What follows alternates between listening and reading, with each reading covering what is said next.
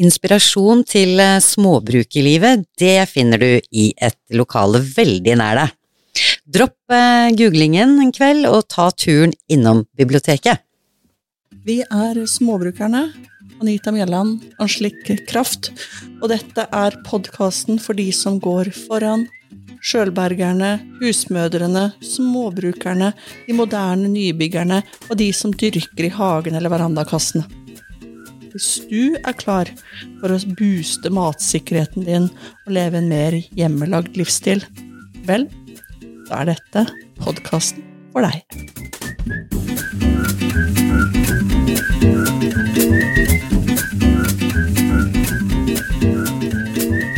I kveld har vi eh, tatt med oss eh, utstyr og kamera og funnet veien til eh, noe som vi er så heldige å ha her i Kragerø, meråpent bibliotek. Ja, det, det bør alle ha. Det, men det tror jeg er ganske mange steder, jeg har ikke sjekka, jeg. Nei, ikke heller. Det er jo en øh, en, en, en kostnad i innføringen, men etter det så er det jo gull! Det er øh, folk Hvis ikke folk Men selv i kommuner Nå er jo biblioteker er lovpålagt å ha for alle kommuner. Eh, Og det er en ekstremt viktig demokratisk institusjon. Og et fantastisk eh, rom fullt av eh, så mye inspirerende ting. Og det er gratis. Og det er gratis. Det er derfor det er en så viktig demokratisk funksjon. Nå kommer, dette her er en av mine viktige fanesaker i livet. Så at, ikke, ikke bare er det lovpålagt, men også Vi må bare si litt om det, hva meråpent bibliotek er. Fordi det er jo Ikke sant, vi er jo vant med at det har sine betjente åpningstider. Og det er bra. Og det er jo kjempebra, så vi har noen å spørre, og det er jo masse vi trenger hjelp til å finne fram i hyllene og sånn. Mens mer åpent bibliotek, det er en mer sånn selvbetjent, eller er en selvbetjent løsning. løsning. Hvor du må registrere deg, og så kommer du inn med bibliotekkortet ditt utenom åpningstid. Mm. Og du har jo benytta deg en del av det. Jeg elsker det. Og vi har jo sneket oss inn etter åpningstid i dag, og Ja. vi tenkte liksom nå skal vi rigge oss til i ro og mak, og det er sikkert ikke så masse folk som er innom, men her har det vært eh, foreldre med barna sine, og andre som har reservert bøker som det Mhm. passer bedre å hente på kvelden, og Så det var litt kos å se, egentlig. Masse unger. Mm. Det er jo helt toppers. Mm. Og det er, det det er jo Man må ta, ta de mens de er små. Det, men, men det er så viktig, for dette er jo den tilgangen vi alle har til kunnskap og underholdning. Mm. Um, og det er jo helt fantastisk. Og du sa det egentlig litt, det var litt morsomt i stad, fordi at vi sant, vi, vi googler og lytter til veldig mye rart fra mm. plattformene våre hjemme. Så det var bare en sånn derre Så deilig å gå på biblioteket og så stå i den derre reolen med litt sånn derre nyheter. Her er det jo selvfølgelig helt dagsferske alt mulig du kan tenke deg av bra tidsskrifter og aviser og magasiner. Mhm. Eh, filmer, lydbøker, spill. Det er til og med utlån av eh, eh, sportsutstyr. Eh, til både barn og voksne, så er liksom ski og sykler og skøyter og, og det man måtte trenge. Ikke sant? Nei, vet du hva, jeg må bare si jeg ble litt nyforelska, fordi Ja. jeg er jo en sånn bibliotekgjenger. Men um, Men du er fersk på Meråpent. på meråpent. Og jeg, jeg skjønte ingenting når du ikke visste hva det var, og det er jo bare en uke siden. Det er bare en uke siden. Ja. Og når det er sagt, for jeg har jeg, Når jeg ser Jeg har en sånn der stabel med bøker i vinduskarmen foran eh, pulten min, eller bak pulten. Og alle de bøkene, det er jo det jeg har eh, Ja, er det ti-tolv bøker, da? Som jeg har eh, bestilt de siste to årene. Som jeg, men de har jeg jo funnet på nett. Og bestilt og kjøpt og skal lese. Noe har jeg begynt i å bla i. Og, Men det har liksom Jeg har bare gått og kjøpt de. Istedenfor å tenke at hvorfor ikke gjøre den øvelsen det er, da. Og låne den først, og se om det er en du vil ha i bokhylla etterpå. Ja, for det er vi har jo selvfølgelig et, småbrukermisjon med vårt eh, biblioteksbesøk. Absolutt. Altså, du, det er ikke bare for å liksom si hipp hurra for romaner og sånn type ting. Nei, dette her er nyttig for småbrukerne, uansett om de bor i, eh, på en svær gård, et lite småbruk, et hus med en eh, romslig hage eller en hybel. Ja, vi har jo roms... eh, Vi, vi favner jo hele gjengen, vi. Ja, ja, ja. For du- altså, småbruklivet, det starter der du er eh, nå. Det er mye du må lære deg før du skal håndtere ei ku. Ikke sant? Og alle vet jo det, at det er ikke noe problem å ha en eh, høne eller flere hvis du bor i rekkehus heller. Altså, det er mange muligheter å starte småbrukerlivet på, folkens. Ikke sant? Man trenger ikke å starte med en låve. Nei. Åh, for en intro! Eh, Ja, ja, ja, Anita kom bare Jeg elsker den tittelen! Den var så stor og tjukk og rød og tung, og så heter den Norges lover. Med Å, da. Og så er det lover. Det er helt fantastisk. Det er, og, det er sånn, og jeg digger sånne eh, teite, lette, gode ordspill. Det gjør vi alle. Altså Når sånne ting skjer, men vet du hva? Det er en hyllest til de fantastiske byggene som står rundt omkring i hele landet. Vi hopper rett på småbrukene som har disse gamle ja, Ofte slitte. slitte, fordi eh, de har jo De store driftsbygningene har jo tatt over veldig mye av det som eh, egentlig man brukte lovene til før, da. Mm. Og du har bladd litt i Norges lover. Og da ikke lovsamlingen, men eh, I Love Lover-samlingen. Ikke sant? Og da kan vi, hvis vi skal holde oss litt eh, fortsatt litt der, så Det spøker for loven. Nei da. Det spøker for loven. Jeg kan jo bare lese et bitte lite utdrag, som jeg sa, for da, da man, er man jo rett inn i dette her. For dette her er en tjukk bok med fantastiske love, bilder over låvebygninger eh, i hele landet. Eh, ikke alle står det like bra til med, men noen er jo virkelig Hva er det de kaller de for? Eh,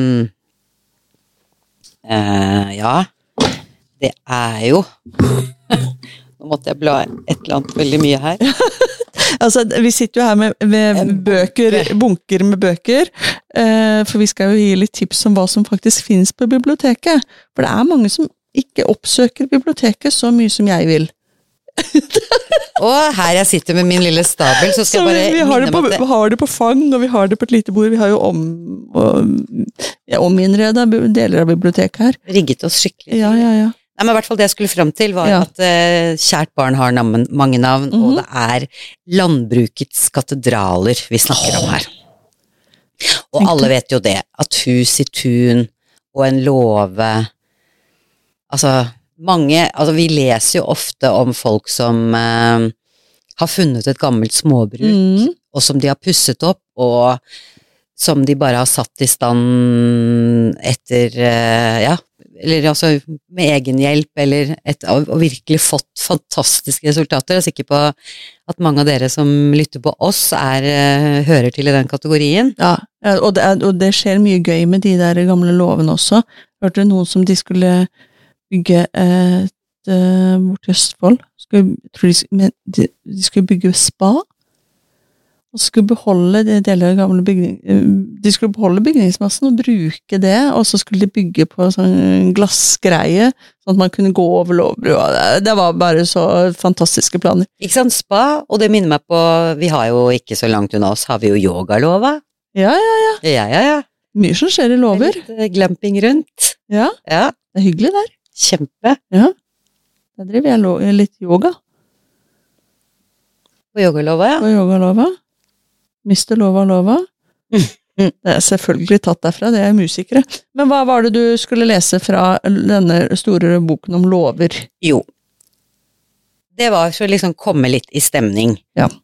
Um, så står det Det var det store hamskiftet i landbruket på 1800-tallet som skapte låven, bondefamilien sitt innholdsrike aktivitetshus. Med låven ble landbruket tilpasset pengesamfunnet. Siden har både bonden og låven innrettet seg i takt med den teknologiske utviklingen og vært prisgitt den til hver tid rådende landbrukspolitikken. Historien om låven er også historien om en tilpasningsdyktig og endringsvillig norsk bonde som har blitt sittende igjen med litt flere hus enn han har bruk for. Se der. Endringsvillige bønder.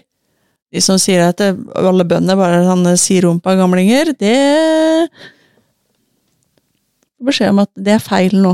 Altså, det har jo vi fått med oss. Hvis man gidder å altså, følge med litt grann på det feltet, så er det jo utrolig masse både endringsvillig, Ja. engasjerte ildsjeler, stå-på-folk eh, som holder på. Jeg tror vi det blir vel, Jeg tror det kommer til å bli mer og mer synlig. Ja, altså, vi, vi driver jo en aktiv kamp for, for bønder. Eh, små, små og store bønder. Ja, ikke minst. og det er, er jo ikke Vi er vi, er jo, vi, vi bor jo ikke på noen gård, noen av oss. nei, ikke i det hele tatt, men vi er som småbrukere, Ja. som vi definerer oss som, Ja. veldig opptatt av den maten vi spiser, og hva vi får i oss, Ja. og vi leve litt mer bærekraftig, og ta litt mer vare på tingene vi har rundt oss. ja, og da trenger vi bønder. Både de store og de små. Mm. Og takk til alle dere som vi har høner og egg og kuer og Ja. kjøtt og hjort som vi kan komme og handle hos dere. Ja. Tusen hjertelig. Da har vi Har du en bok? Ja, altså da syns jeg det passer jo bra, for her er det jo en uh, bok med en uh, tittel. Når vi, apropos bønder. Oi. Ja. Beklager lyden, det er bøker som detter i gulvet her. Mitt liv som sauebonde. Ja, Av Kjell Ola Dahl. Og han, eh, det han har vi jo hørt om. Han er jo en, eh, en dyktig forfatter, men, eh, men han skriver litt om livet Livet på dette gårdsbruket, da. Men er han sauebonde? Han er sauebonde. Ja, det visste ikke jeg. Nei, jeg hørte det her relativt nylig, jeg lurer på om det var et intervju eller noe sånt. Men jeg, jeg, jeg har, dette her kommer mange til å kjenne seg igjen i, og noen kommer til å, å le fordi de har opplevd det samme, og andre kommer til å tenke å fader, er det sånn det er? Kanskje det ikke er noe lurt? Eller så Det går rett inn i de romantiske drømmene. Som småprodusent, dette er side 124.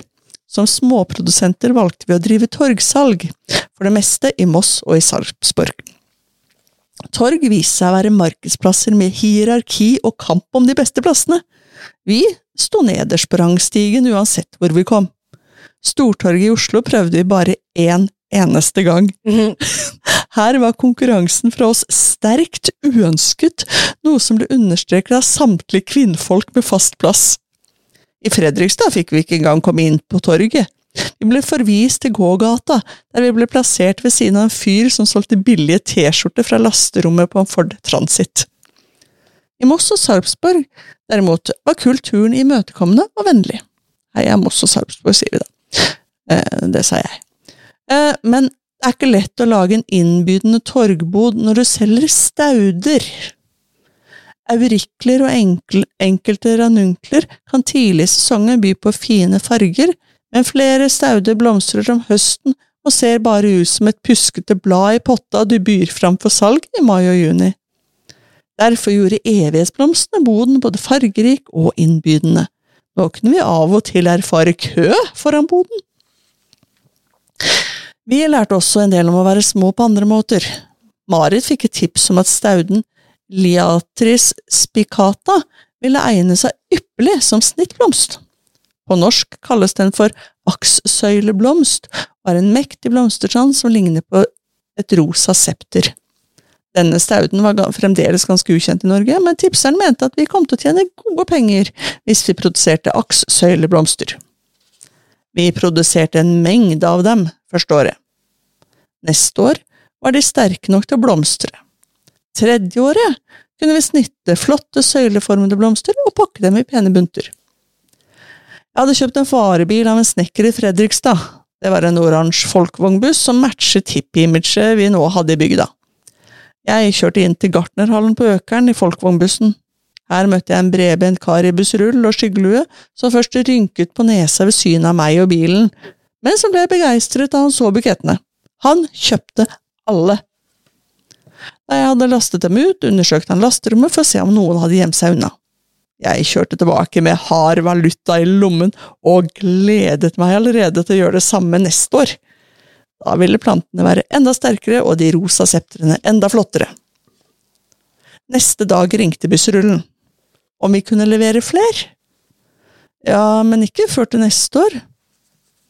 Og neste år, neste sommer, gjentok jeg turen. Pakket bilen full av rosa buketter. Men da jeg kom til Økeren, var lageret allerede fylt opp av akssøyleblomster levert av andre gartnerier. Vårblomster var riktignok større og flottere, men bussrullen hadde tatt inn for mange allerede. Jeg måtte kjøre tilbake til Skår og hive bukettene på komposthaugen. Et mysterium var det, selvsagt. Hvordan hadde gartneriene fått det til? Vi hadde jo først måttet bruke to sesonger for å få planten til å blomstre. Svaret var banalt enkelt. De andre gartneriene hadde importert blomstene fra Holland, hvor produksjonen av Liatris hadde foregått lenge. Etterspørselen hadde fått gartnerien til å snu på femøringen og handle hurtig, og Marit og jeg innså at vi var to hamstere som sto utenfor hamsterhjulet og så på alle de andre som løp som gale. Skulle vi inn i det hamsterhjulet, vi også? Produksjonsutstyret vårt var hjemmesnekra drivbenker med vinduer vi hadde kjøpt fra gartnerskolen på Jensvoll. Plantene hadde vi i potter, overvintret i fiskekastreise, por isolert med granbar vi skar i skogen. Skulle vi låne millioner som trengtes til å investere i et oppvarma drivhus? Vi hadde fått tre barn. Alle tre krevde oss. Vi fortsatte å jobbe i reduserte stillinger, mens vi produserte stauder i potter og solgte dem på torget. Og jeg, det, jeg synes det er så fint, og det er en, en, morsom, en, en skikkelig morsom historie om eh, hodekål og elg som følger etter, men må, det må folk lese selv på side 126. Mitt liv som sauebonde, en familiegård i tre generasjoner av Kjell Ola Dahl. Altså, det, det her eh, må leses. Eh, det, eh, det, kommer til å bli en tung bør å ta med seg hjem i kveld. Ikke sant? ja, det er det som er så Ikke sant, for det er jo når man leter sånn Dette er det ekte livet. Det er jo det. Nei, det er helt herlig. Han, vi har ikke, ikke et ord om, om sauen ennå, men Nei, jeg, jeg regner med at det, det dukker nok opp. Det kommer nok noen sauer inni her også. Akkurat nå ble det stauder, for jeg syns akkurat den historien der var så fin. Og det, det, er, det er mye lærdom å hente i den. Ikke sant. Og så prøver man jo forskjellige ting, som du sier. Altså, man skal overleve, da. Ja, og så tar det tid, og så kommer de store, og så bare snapper det fra deg. Ja. Det er uh, vrient. Det er jo det. Ja, det er jo det. Uh, ja. Så, men det Men jeg heier på innsatsen. Ja. Du gjør jo det. Sånn at man skal må, leve av det òg, da. Man skal, skal leve òg, og det er, eh, så det er mye å tenke på. Og mange ting man skal gjøre, og man skal lykkes med noe og feile med andre ting. Absolutt. Og hva er det vi snakker om da? Jo, det er jo livet sjæl. Det er livet. Det er livet. Hvilken bok har du som, uh, har du som plan nå, eller skal jeg fortsette med noe Vi har masse bøker. Vi har masse bøker, men, ja. men hvis vi skal, nå, da, nå, kan vi utfordre hverandre med på litt sånne overganger. For da er det jo tøft å få dette torgsalvet til å ja. lønne seg. Ja. Og da kom eh, eh, i fjor en eh, bok ut som jeg tror kan være aktuell for både småbrukere og andre som heter Sparekokeboka. Den er egentlig skrevet av, eller ikke egentlig, det er eh, basert på Instagram-fenomenet Chris Loves Food. Eh, og til daglig heter den Kristoffer Tvilde, som har da laget en eh, sparekokebok. Spis som en konge, på budsjett, sier han da. Og når jeg sto i hylla Mat skal vi alle ha. Mat skal vi ha. Det er småbrukerliv. Yep. Og så hadde jeg faktisk en uh, samtale med en om ikke så lenge, for lenge siden at fiskeboller var så godt, for det er mange som syns at det er bare helt begredelig mat. Jeg elsker fiskeboller. Ja, men da er vi to av I hvit saus. Selvfølgelig. Og ikke en gulrot i sykte. Nei, ikke sant. Kan være litt karri i den hvite sausen, da. Jeg liker ketsjup. Å, herregud. det er en av de få tingene jeg spiser ketsjup på. Det er pøl, liksom wienerpølser, og så er det, spiser jeg sånn tysk ketsjup på sånne tyske pølser. Og så er det på fiskeboller i hvit saus. Du vet at eh, når du har røpet den hemmeligheten, da Nå begynner vi å bli personlige her. Mister all kred, vet du. Ja, men det går bra, men i hvert fall Ja. fiskeboller. Altså, les bakpå, da. Det har jeg Mhm. begynt å gjøre ganske ofte nå, så du Ja. får ikke lyst til å kjøpe uansett hvor lenge de varer, de som er på boks. For der er det jo fullt av salt og konserveringsmidler, og veldig lite fisk, egentlig. Og så er det fullstendig meningsløst, for de er jo Altså, de er jo i hermetikkboks. Så de er jo De lever jo lenge der. Det er det de gjør. Det er ikke noen grunn til å putte rare ting inn i det. Men, så men kommer jo Hvorfor har jeg ikke tenkt på å lage disse fiskebollene selv? det har ikke jeg heller. Men det har han Kristoffer. Ja. Og så skriver han Jeg skjønner at det kan virke unødvendig komplisert å lage fiskebollene selv, men hør meg ut. De fra butikken er billige, men inneholder gjerne rundt 50% fisk og mye salt. Mine består av opptil 90% fisk, har vesentlig mindre salt, og smaken, her snakker vi klasseforskjell. Og så slår han jo et slag for denne seien, da. Som veldig ofte er en rimelig god fisk til i hvert fall under 100 kroner kiloen. Vi elsker seg òg, vi. Ikke sant? Ja. Så da har han en eh, oppskrift, så enkelt som bare det, Ok. På fiskeboller i hvit saus. Kult. Så den falt jeg for, og så Men Hvordan gjør den det, da? Lager fiskeboller i hvit saus. Ja? Er det sånn som å lage fiskekaker, liksom? Du kjøper sei, Ja. og så kutter du fisken i terninger, Ja. kjører i kjøkkenmaskin i to minutter, Ja. blander inn egg, salt og potetmel, og kjører to minutter til. Mm. Mens maskinen fortsatt går, heller du melken i en tynn stråle for å unngå at blandingen skiller seg, og så kjører du den til den har farsekonsistens. Ikke sant. Og så former du disse eh, fiskebollene da, av den deigen, og så bruker du en skje, Ja. og så koker du opp to liter lettsaltet vann hvis du har den mengden som han anbefaler deg. Mm. Så har du fiskebollene i, og lar de trekke ti minutter på lav varme. Ikke sant? Det er jo egentlig litt go. på samme måte som uh, lager fiskekaker. Bare at man trekker du istedenfor å steke. Jeg skal lage fiskeboller. Oh, yeah. Og så mens vi bare var inne på den derre eh, rimelige maten og billige seien, Ja. gjett hva jeg kom over da? Uh, Fiskegrateng? Fattigmannshummer. Oh. Liker hummer òg, jeg. Poor man's lobster, som den heter på engelsk. Den hadde ikke jeg hørt om. Nei. Men hvem er det som dukker opp her? Nok en gang sei. Vår venn Seien. Og den kan gjerne være både frossen eller fersk. Begge deler fungerer fint så lenge det er i fileter. Ok. Og den skal da bare gnis inn med salt, pepper, hvitløkspulver, paprikapulver og skall og saft fra en halv sitron. Og så skal du helle seks spiseskjeer smeltet smør over, og så skal du steke den i ovnen i 12-15 minutter. Og ifølge Kristoffer så smaker den helt fortreffelig. Jeg ble, liksom, jeg ble ikke overbevist, men jeg, men jeg må prøve. Det bør prøves. Poor man's lobster. Kan bare kjøpe sånn da, Og de er eh, billige fra frysedisken, vet du. Ja, de pakkene, liksom. Ja. Mm. Det, det er jo lurt å teste på sånt før en kjøper fersk, mener jeg. Men jeg likte, jeg likte navnet, da. Ja, ja, ja, ja, ja. Så det fins råd i disse dyrtider, Det gjør det. og fisk er også godt, da. Det er jo det. Mm. Men eh, skal, hvis vi går da fra eh, fisk da går vi til kjøtt, da. Gjør vi ikke det? Ja, det Ja. syns jeg var en fin overgang. Jobb med det. Og det er litt morsomt, for når vi surra oss inn her, så så vi Så er det en sånn eh, ny bokhylle her. Og der så står eh, var ordet kjøtt, og så var det tegning av eh, ku og sau og gris og høne på forsida. Og oppstykkingsparteringsbildet av gris. Og den heter Hva vi spiser når vi spiser kjøtt.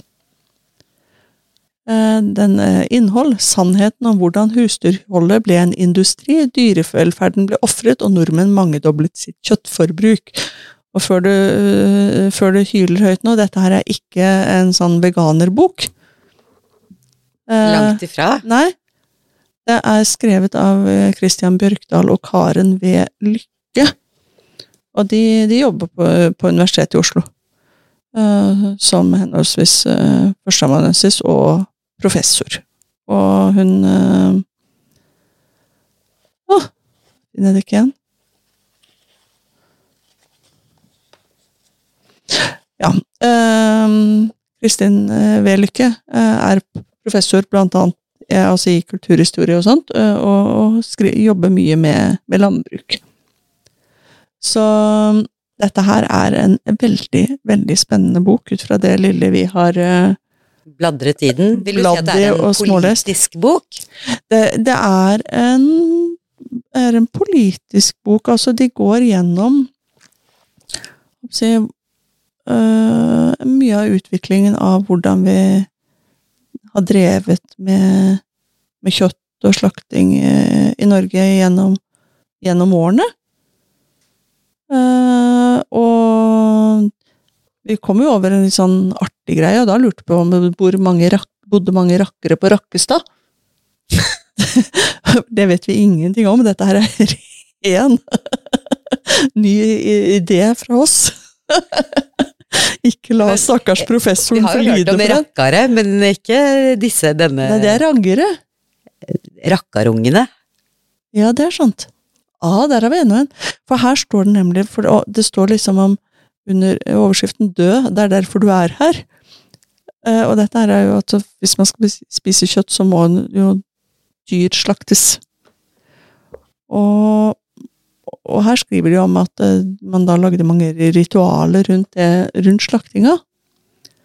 Og så skriver de at ritualer av ulike slag bidro ikke minst til å overføre skyld og ansvar fra individ til kollektiv.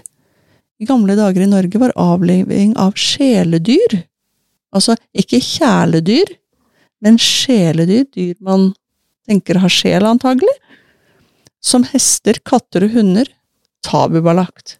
Det er liksom De moderne kjæledyrene var opprinnelig sjeledyr. Ja, Tydeligvis. Mm. Lærte vi noe nytt i dag òg. For å slippe å hanskes med dette, for det skriver de forfatterne, fantes det en spesiell type slaktere, rakkere, som levde på utsiden av samfunnet.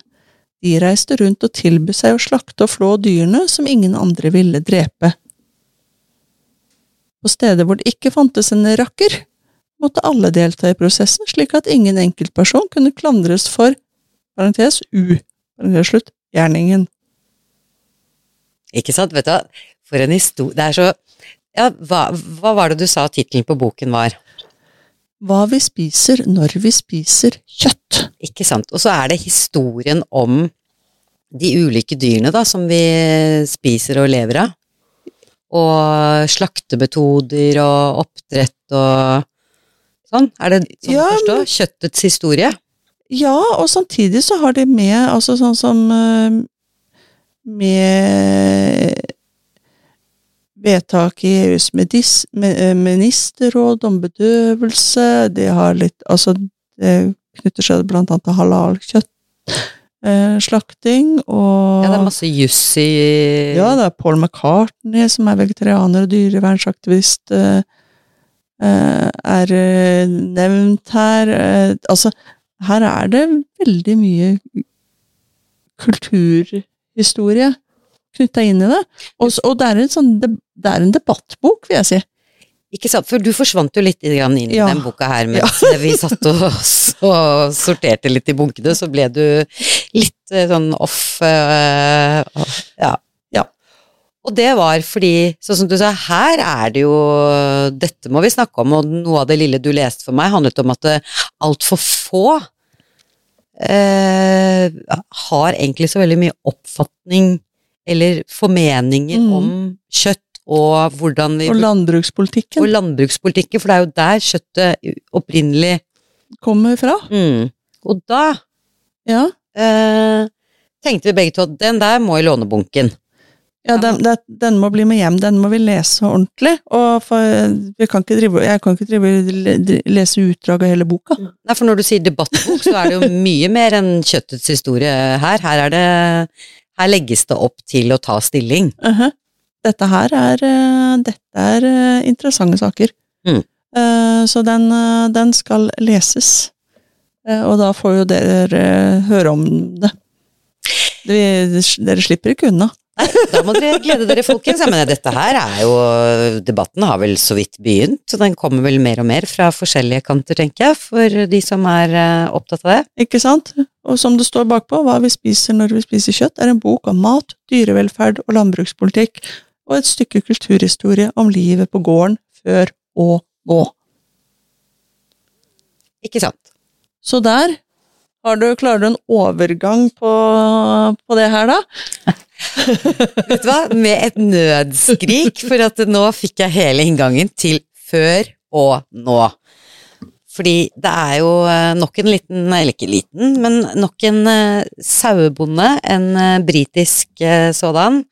James Rebanks heter han, som har skrevet, skrevet eh, noen bøker om det um, småbrukerlivet han lever, og uh, den første het Sauebondens liv fortellinger fra den engelske landsbygda. Men så er det en nyere bok som da heter Livet på landet, en felles arv. Og den har fått sine omtaler.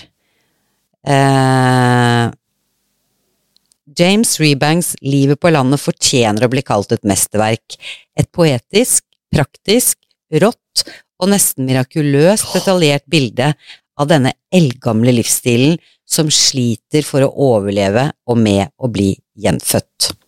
Årets beste naturbok 2020 skrev Sunday Times. Oi! Så her er det også nok en forfatter som eh, kan skrive ganske malerisk. Jeg har ikke Det er også en sånn bok man kan krype opp i sofaen og med pleddet og høstmørk og fordype seg litt i, tror jeg. Si- Sitte på fellen med Sitte på saueskinnet sitt? Sitte på saueskinnet og med et ordentlig ullpledd over seg og en kopp urtete fra hagen. Ikke sant? Jeg har et lite utdrag, for da Ja. får dere liksom litt grann sånn uh, tone of voice, da. Oh yeah. fra James Rebanks. Jeg ble oppdratt til en viss tenkemåte om hva det vil si å være en god bonde. De beste bøndene hadde det beste kveget, de beste sauene eller grisene, de var dyktige oppdrettere. De hadde åker og eng som bugnet av fantastiske avlinger, og de jobbet hardt. Det virket på meg som om det verdensbildet aldri hadde endret seg og aldri kom til å gjøre det. Men nå, når jeg ser tilbake på det gårdbrukerlivet både far og farfar levde, ser jeg helt tydelig at definisjonen på en god bonde utvikler seg fra generasjon til generasjon. Jeg vokste opp med forståelsen av en gård som et stykke privat eiendom, enten som en families samlede formue eller en innfløkt samling nedarvet gjeld og forpliktelser. Fremfor alt var det en arbeidsplass, med arbeid som definerte folk og ga dem mål og mening. Det var dessuten en næring, et kommersielt foretakende som produserte mat og ga penger til å betale regninger, og som mettet mennesker. Mat til folket er en edel oppgave, en som nå ofte blir tatt for gitt, til tross for viktigheten. En gård var også et hjem, en perlerot for en hel familie, dypt nede i bakken. Den var et hjem uansett om den ikke tjente penger, og det forklarer hvorfor bønder holdt det gående på et sted med lag på lag med historie, fortellinger og minner som hellig grunn lenge etter at de burde ha gitt seg. Ja. Hmm. Det kommer mer og mer. Han eh, skriver nå, det er litt sånn på slutten av boken mm. hvor han oppsummerer litt, grann, men eh, han eh, har en fin penn. Og det er jo litt i tråd med Jeg, jeg tenker at den Det var en, en annen vri på den kjøttboka. Ja. Han kom jo med mye kultur og eh, Han har jo overtatt en gård som egentlig, når han endelig overtok den, Mm. så hadde den stått, tror jeg, virksom, eller da måtte han bygge det fra bunnen igjen. Ah, Men så han, han, ville en, tilbake til det gamle. han er er da. en tilbakeflytter, han òg. Han er en tilbakeflytter. Ja. Så det var eh, livet på landet, Anita, og Ja. god fortellerkunst. Ikke sant? Og da går jeg over til eh, andre folk som har både overtatt gårder, eller kjøpt gårder til og med. Eh, og her er det jo bare å innrømme at uh, dette her er uh, boka som førte til at jeg skrev min første fanmail uh, noensinne. Åh, det Hva skrev du der? Nei, jeg husker ikke helt. Uh, takket for en fantastisk ja, en fantastisk bok og mye innsikt og mye inspirasjon og fullpakke. Det er Marit Benz eh, sin bok 'Glade dyr og levende jord'. Hvordan bøndene kan bidra til klimaløsninga. Og her er det rett og slett en uh, Hun har møtt bønder rundt omkring i landet eh, og fortalt hvordan de driver. Altså, her har vi Leknes, Lesja, Hestnesøyra, Dokka, Krøderen, Fornebu, Ås, Oslo, Vindafjord, Åsgårdstrand, Kvelde, Skjeberg, Randaberg, Nærbø, Vigrestad, Bømlo og Bryne. Sånn, her er jo liksom eh, ja, Trøn- Trøn- trøn, Trøndelag og, og Finnmark eh, sliter, men ellers er det de fleste representert. Og her er det om permakultur, det er re folk som driver med regenerativt landbruk. Altså, her er det folk som gjør nye ting og lagt om driften på, på gården av mange forskjellige årsaker. Og det er så spennende å lese at uh, dette her man Lagt om livet. Altså, de har uh... de lagt om, altså Noen har jo lagt om livet i form av at de faktisk har flytta til en gård. Ja. Uh, uten nødvendigvis å ha gårdsbakgrunn fra før.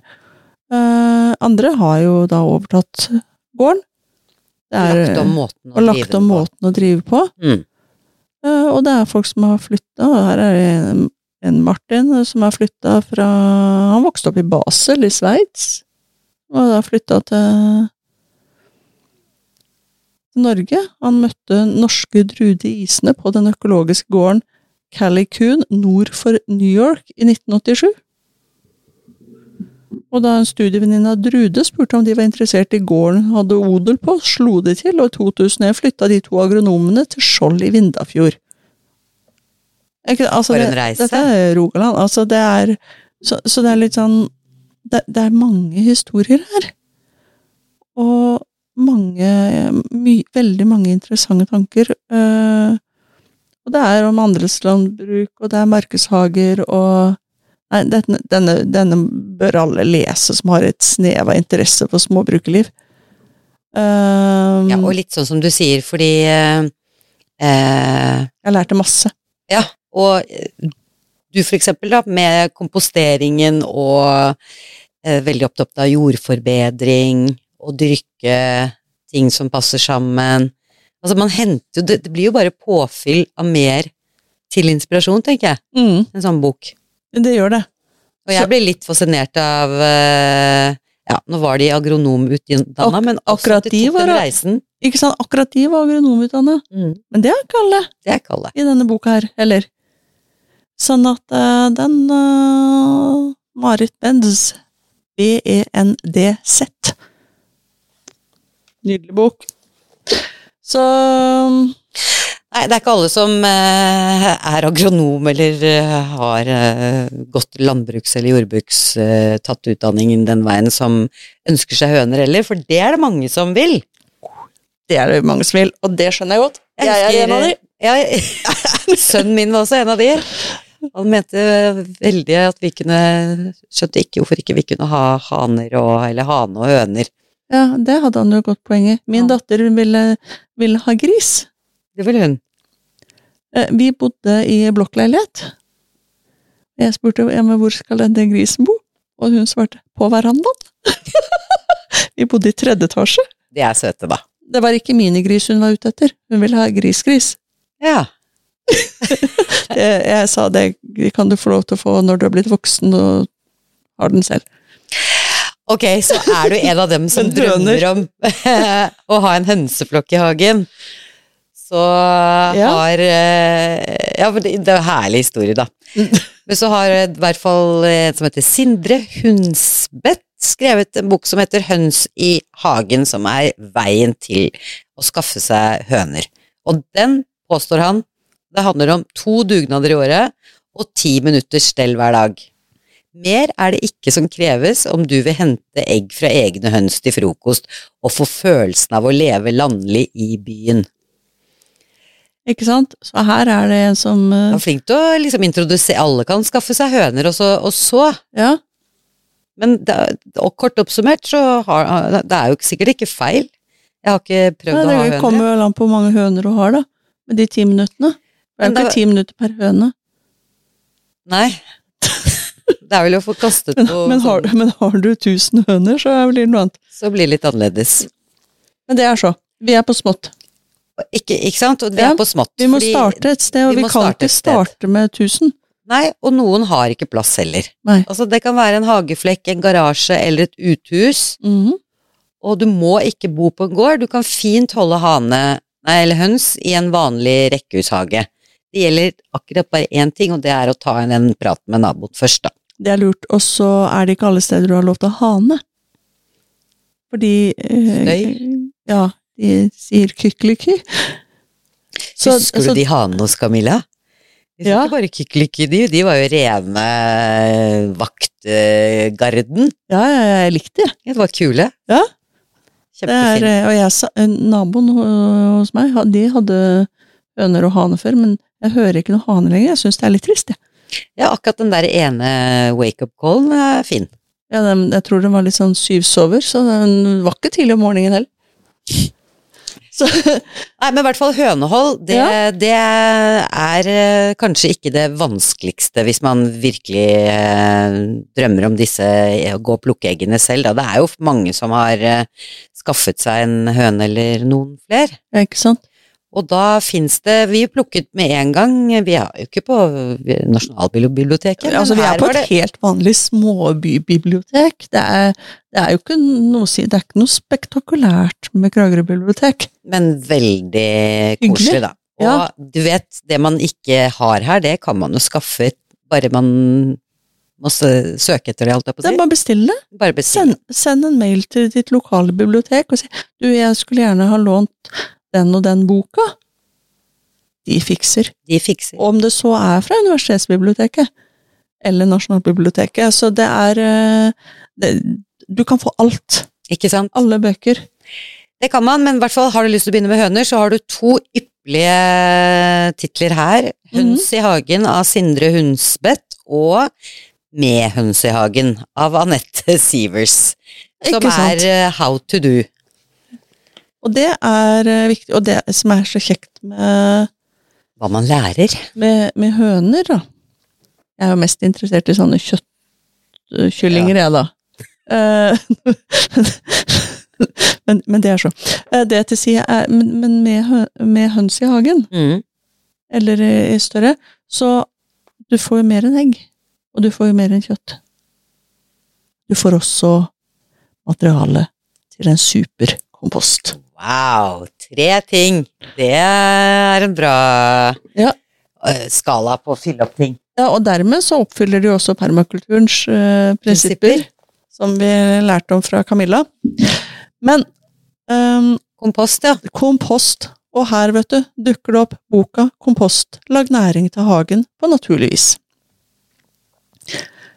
Som det står på forsida, det er Kent Thomsen som har skrevet den. Kompostlaging trenger ikke være hardt arbeid, det koster nesten ingenting, og den eneste hemmelige ingrediensen du trenger, er tålmodighet.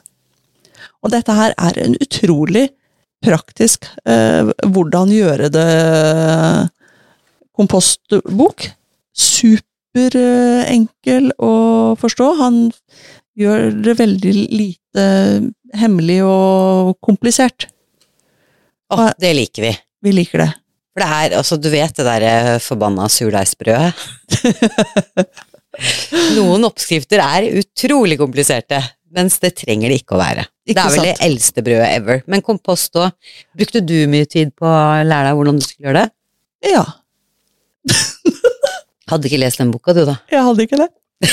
Det var dumt. Eh, Hva er det som slår deg, da? I og med at for du er jo litt sånn kompostekspert blitt, spør du meg. Jo, det, det, det kommer seg, det kommer seg. Men altså, altså han skriver enkelt her. Hovedmålet med kompostering er å resirkulere organisk materiale der det befinner seg, og unngå å sløse med energi for å flytte det lange veier. Derfor bør det ikke gå rutine å tilføre komposthaugen importert materiale. På den annen side ville det være tåpelig å ignorere lokalt tilgjengelige og billige komposteringsingredienser. Eh, og så, som han sier, halmrik stallgjødsel kan du legge rett ut i hagen. Så uh, har du stall med hest, ja, det kan du bruke direkte. Mens hønsegjødsel, Mhm. apropos hønene, de inneholder massevis av næringsstoffer og er en glimrende kompostaktivator. Uh, og de, den er så sterk, den der hønsegjødsla, den kommer meg, dette kommer fra meg, er at den trenger en del tid. Eh, I hvert fall hvis du skal så i det. Eh, for da tar livet av de små, svarte eh, røttene. Så hønsegjødselen må brytes ned en stund. Mm. Derfor bør den i- må den i komposten. Og så sier han det gjelder også dueskitt, som ofte er lett tilgjengelig selv i storbyen.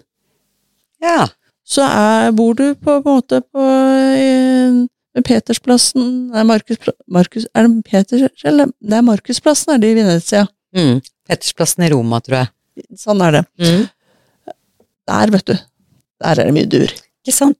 Man må ta det Bruk det som er der du er. Ja. Så regner, sagflis, tang, brukt humle, sopp, kompost, halm. Alt dette kan legges rett ut i hagen som jorddekke og vil bidra til å forbedre jordstrukturen. Så noe kan i komposten, og noe kan rett på. Mm. Denne boka her er fryktelig, fryktelig enkel og lett tilgjengelig for hvem som helst. Og har også sånne ting som Nei, man trenger ikke å ha en fjong binge for å ha en kompost. Den gjør det bare sånn at den ser mer ryddig ut. Ja, må like fyren. Man må det. Fin inngang til å ikke lage sånne eh, jammen-jammen. Det er Og- bare å begynne. Ikke sant? Og boka heter Kompost. så, det, så den syns jeg var helt uh, strålende. Man bruker de ressursene som man har. Ikke sant? Da Og da, jeg det en overgang nå? Eh, ja, jeg, jeg, jeg syns vi er fine her uh, mot hverandre. Altså bruker det man har, og tenker uh, Syns du det har blitt litt sånn eh, for mye snakk om bærekraft, så at det blir et sånt ord man blir litt lei av? For det er bærekraft i annenhver setning. Kan vi finne et annet ord for bærekraft? Eh, ja. Det bør vi kanskje Vi kan tenke litt på det, altså. Men jeg, ja. altså, vi er jo språkfolk, så vi liker jo at det er en er variasjon i språket, og at et ord dukker opp i annenhver setning, regnes vanligvis som dårlig tekst. Ikke bare det, men det, det, det blir sånn litt sånn slitasje på det, så det mister litt Jeg syns egentlig bærekraft er jo et flott ord som Ja. svulmer av masse positivt. Ja. Men eh, jeg syns det blir slitt. Ja, og så brukes det på Det mister innholdet. Ja, når man sier det for ofte. På, på alt, liksom. Mm, det er det. Men uansett eh, eh, Som du sa, at man bruker det man har. Ja. Vi har jo en dame som eh, Som eh, både syr og er eh, idérik. Som eh, heter kan, du, si hva hun heter? ja, altså jeg sier Mari Mellilot, men om det er sånn hun uttaler navnet, det vet jeg ikke. Nei, men det høres nærmere ut enn uh, Marie Melion når man er fra Eidsvoll. Ja, for jeg mener at hun er fra Eidsvoll. Ikke sant?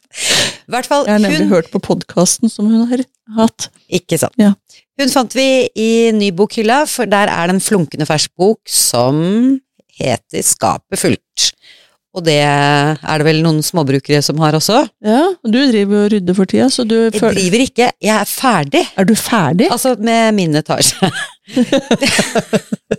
jeg har noe loft og noe garasje og sånn, men det er, regner altfor mye. Så det, det er sånn Jeg har virkelig eh, saumfart. Så, og da, da følte jeg meg faktisk litt truffet, for jeg var som hun. Hun snakka jo til meg før jeg hadde rydda, da.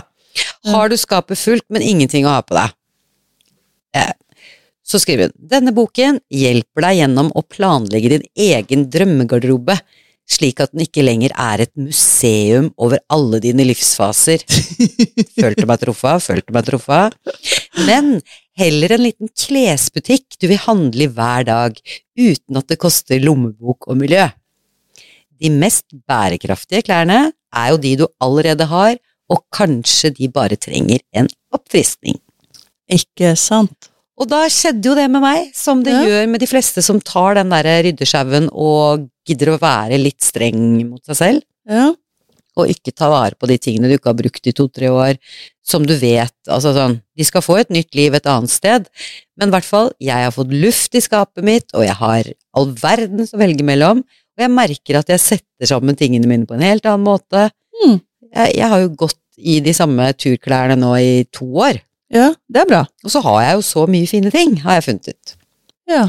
Men denne dama her forteller deg masse om eh, eh, hva du kan finne av skatter i dine egne skap.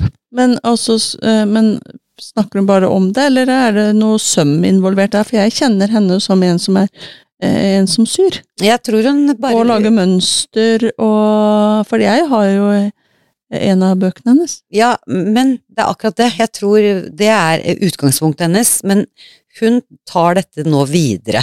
For at det, i tillegg så er det en sånn analyse av kroppen din, der du jobber med eget selvbilde, og hvilke utfordringer du møter i garderoben. Husker du vi snakket om de forskjellige kvinnetypene?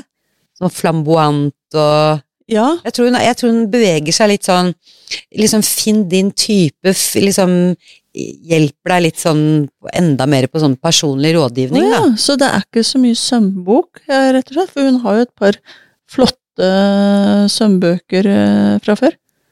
Det er jo det. Det står jo hun har siden 2001 lært folk å sy sine egne klær, Mhm, gjennom sybøker og kurs. mhm. Hun brenner for at kropper skal ha klær som passer, og at vi som forbrukere kan redde verden gjennom å ta bevisste og miljøvennlige valg.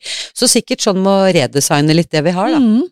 At det er det denne boka uten, Jeg har bare full fart bladd og tenkt at det, Og du har jo kjøpt deg det er symaskin nettopp det, så da var jo det litt i min småbrukerånd Ja. å få litt, lære litt eh, om eh, Den boka liksom sto det navnet mitt på, den skal jeg ta med hjem. Ikke sant? Og som en sånn fancy knapphullsgreie. så Den skal du få låne, Anita, jeg lover. det, det er jo knapphullsfunksjon på min 51 år gamle symaskin også. Men den er, den, er, den er likevel temmelig manuell. Jeg håper virkelig på at du har sånne dings man setter på foten også, for da, ellers så kjøper jeg det også til din symaskin. Det er sånn dings det har på foten nå. Det er dings. Ja, du kan velge. Åh, så den kan settes på. Det skal vise deg. Vi skal, oh, vi skal se på det, den senere. Jeg, det gleder jeg meg så, for da kan jeg endelig bli ferdig med den der frakken min. Og den skal du legge ut når den, den skal du ha på deg, så skal jeg ta bilde av den når den er ferdig, for den mm. er så fin. Mm. Fortsatt foreløpig uten knapphull, Ja. men ganske snart ferdig. Den, jeg tror den blir ganske lekker, Den blir om jeg øh, må si det selv. Fotsid filtkåpe er ikke å kimse av, Kamelfarget. ikke sant? Det Du, blir så vi har fem minutter igjen. Kjære vene. Altså, vi skulle hatt sånn maraton-boksending. Nå, Ja. du, nå må du velge. Nå har du, nå får velge? du én bok, og så har jeg et lite tips.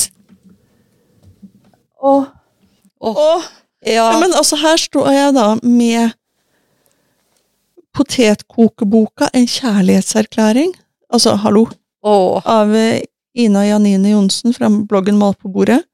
Og så har vi en bok som er av Gunda Djupvik, 'Sylting og safting hele året'. Og så har vi boka 'Ysting', så er det mest nerdete, digge boka jeg har lest. Og denne her har jeg lest fra perm til perm, eh, og jeg har ikke laget en eneste av disse ostene her, men, men det, er, det er så det er, så, det er så sært, vet du. HACCP og smør. For en fullstendig fareanalyse av smørframstillinga viser vi til nasjonale retningslinjer for småskala mjølkeforedling. Syrninga er det kritiske styringspunktet for en, en upasteurisert produksjon, og en må sørge for å rask syrning, og at en oppnår mål-pH i løpet av 24 timer, eller 48 timer ved vintermetoden. Uten En- punktum. Nei, jeg leste litt fort her. Men, men, eh, men altså, vi, vi er der. Ja, den, eh, den er for spesielt interesserte. Gamalost. Og altså, her er så mye kult at syltende ysting av Ragnhild Nordbø og Maria Ballhaus Den kan du fra fagbokforlaget, den er bare helt utrolig. Dette er folk som kan sine ting. Maria Ballhaus har vært budeie både i Norge og Sveits. Og lærer ved Sogn jordbruks- og hagebruksskole, og driver egen gård Mysteri i Tyskland. Og Ragnhild Nordbø er utdannet næringsmiddelkandidat fra oss, og ostefaglig rådgiver ressurs, ved Ressurssenteret for mer enn ChatGPT. Altså, det har vært budeie i over 30 år og driver gard med ysteri i Trøndelag. Altså, dette her er Vi skjønner jo hvorfor Norge vinner gull i- og sånt i oste-VM. Ikke sant? For en skatt av et bibliotek vi har, hva som fins her. Ja, og her er også en nyskriving av Hanna Vinsnes kokebok. Er det noen som har hørt om henne, tro? Åh, er klassikeren. En, ja, Og der, er- der står det om gammeldags kokebok som hun uh... ja, om hvordan man kan bruke hele dyret, og både spise hodet og nyrene og, og lam og kalv og sånn. Sånn at skatt, skatt, skatt! Ikke sant? Og så har vi også Vi må ikke glemme skjønnlitteraturen. Den er, det er mye småbrukerliv i skjønnlitteraturen. For vi gikk inn på bibliotekets PC, Mm. og så skrev vi 'småbruker'. Og der poffa det opp forskjellige ting, vet du. Blant annet Astrid Norang sin bok 'Der du st står er smertens navle'. Anna og Steinar har bygd opp en husmannsplass. Mhm. Ovenfor ligger skauen tett, og nede på veien har en revne dukket opp. I de lumre hundedagene glir noe ut av gjenget. Tenåringen deres sitter spikret foran datamaskiner, mens plommetrærne bærer frukt for første gang siden de flyttet dit. En stemme avdekker plassens mørke historie, og i kulissene rasler den økofundamentalistiske gruppa Nihil med sablene. Hallo! Dette er bare fra vaskeseddelen. Denne her må, bør jo leses. Så skjønnlitteraturen er- foregår også på småbruk og, og sånt. Absolutt. Ja, som du skjønner, vi, og dette her, dette her brukte vi bare ti minutter på å hente disse bøkene, så Ja. Vi håper du har eh, hatt glede av et lite utvalg. Gå og se hva du finner til inspirasjon på ditt bibliotek, fordi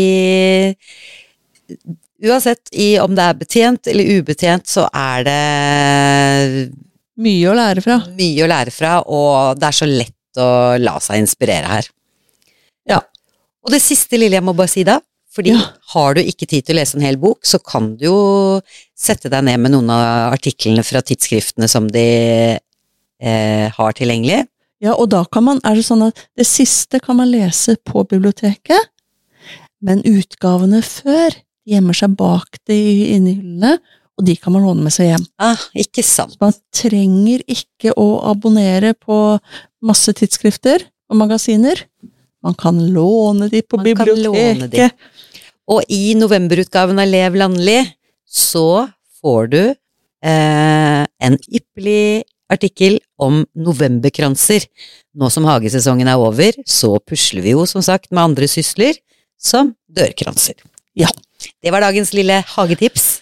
Ja, Og etter alle disse boktipsene, herregud så koselig det har vært. ja du, vi, vi liker oss på biblioteket, vi. Vi gjør det. Og jeg håper eh, du har fått med deg noen eh, titler eller noe til inspirasjon. Vi skal legge ut et lite utvalg eh, på Instagrammen vår. Ja, Vi må gjøre det, sånn at, eh, for det kan jo gå litt fort. Så vi får ta bilde av noen av disse bøkene her, og at du får tipsene. Så veldig, veldig koselig igjen, og denne ettåringen er klar for mer sprell. Ja, herregud, vi blir snart ett år. Ja, Det skal vi snakke mer om. Ja, Ha en fin uke. Ha det godt. Hei.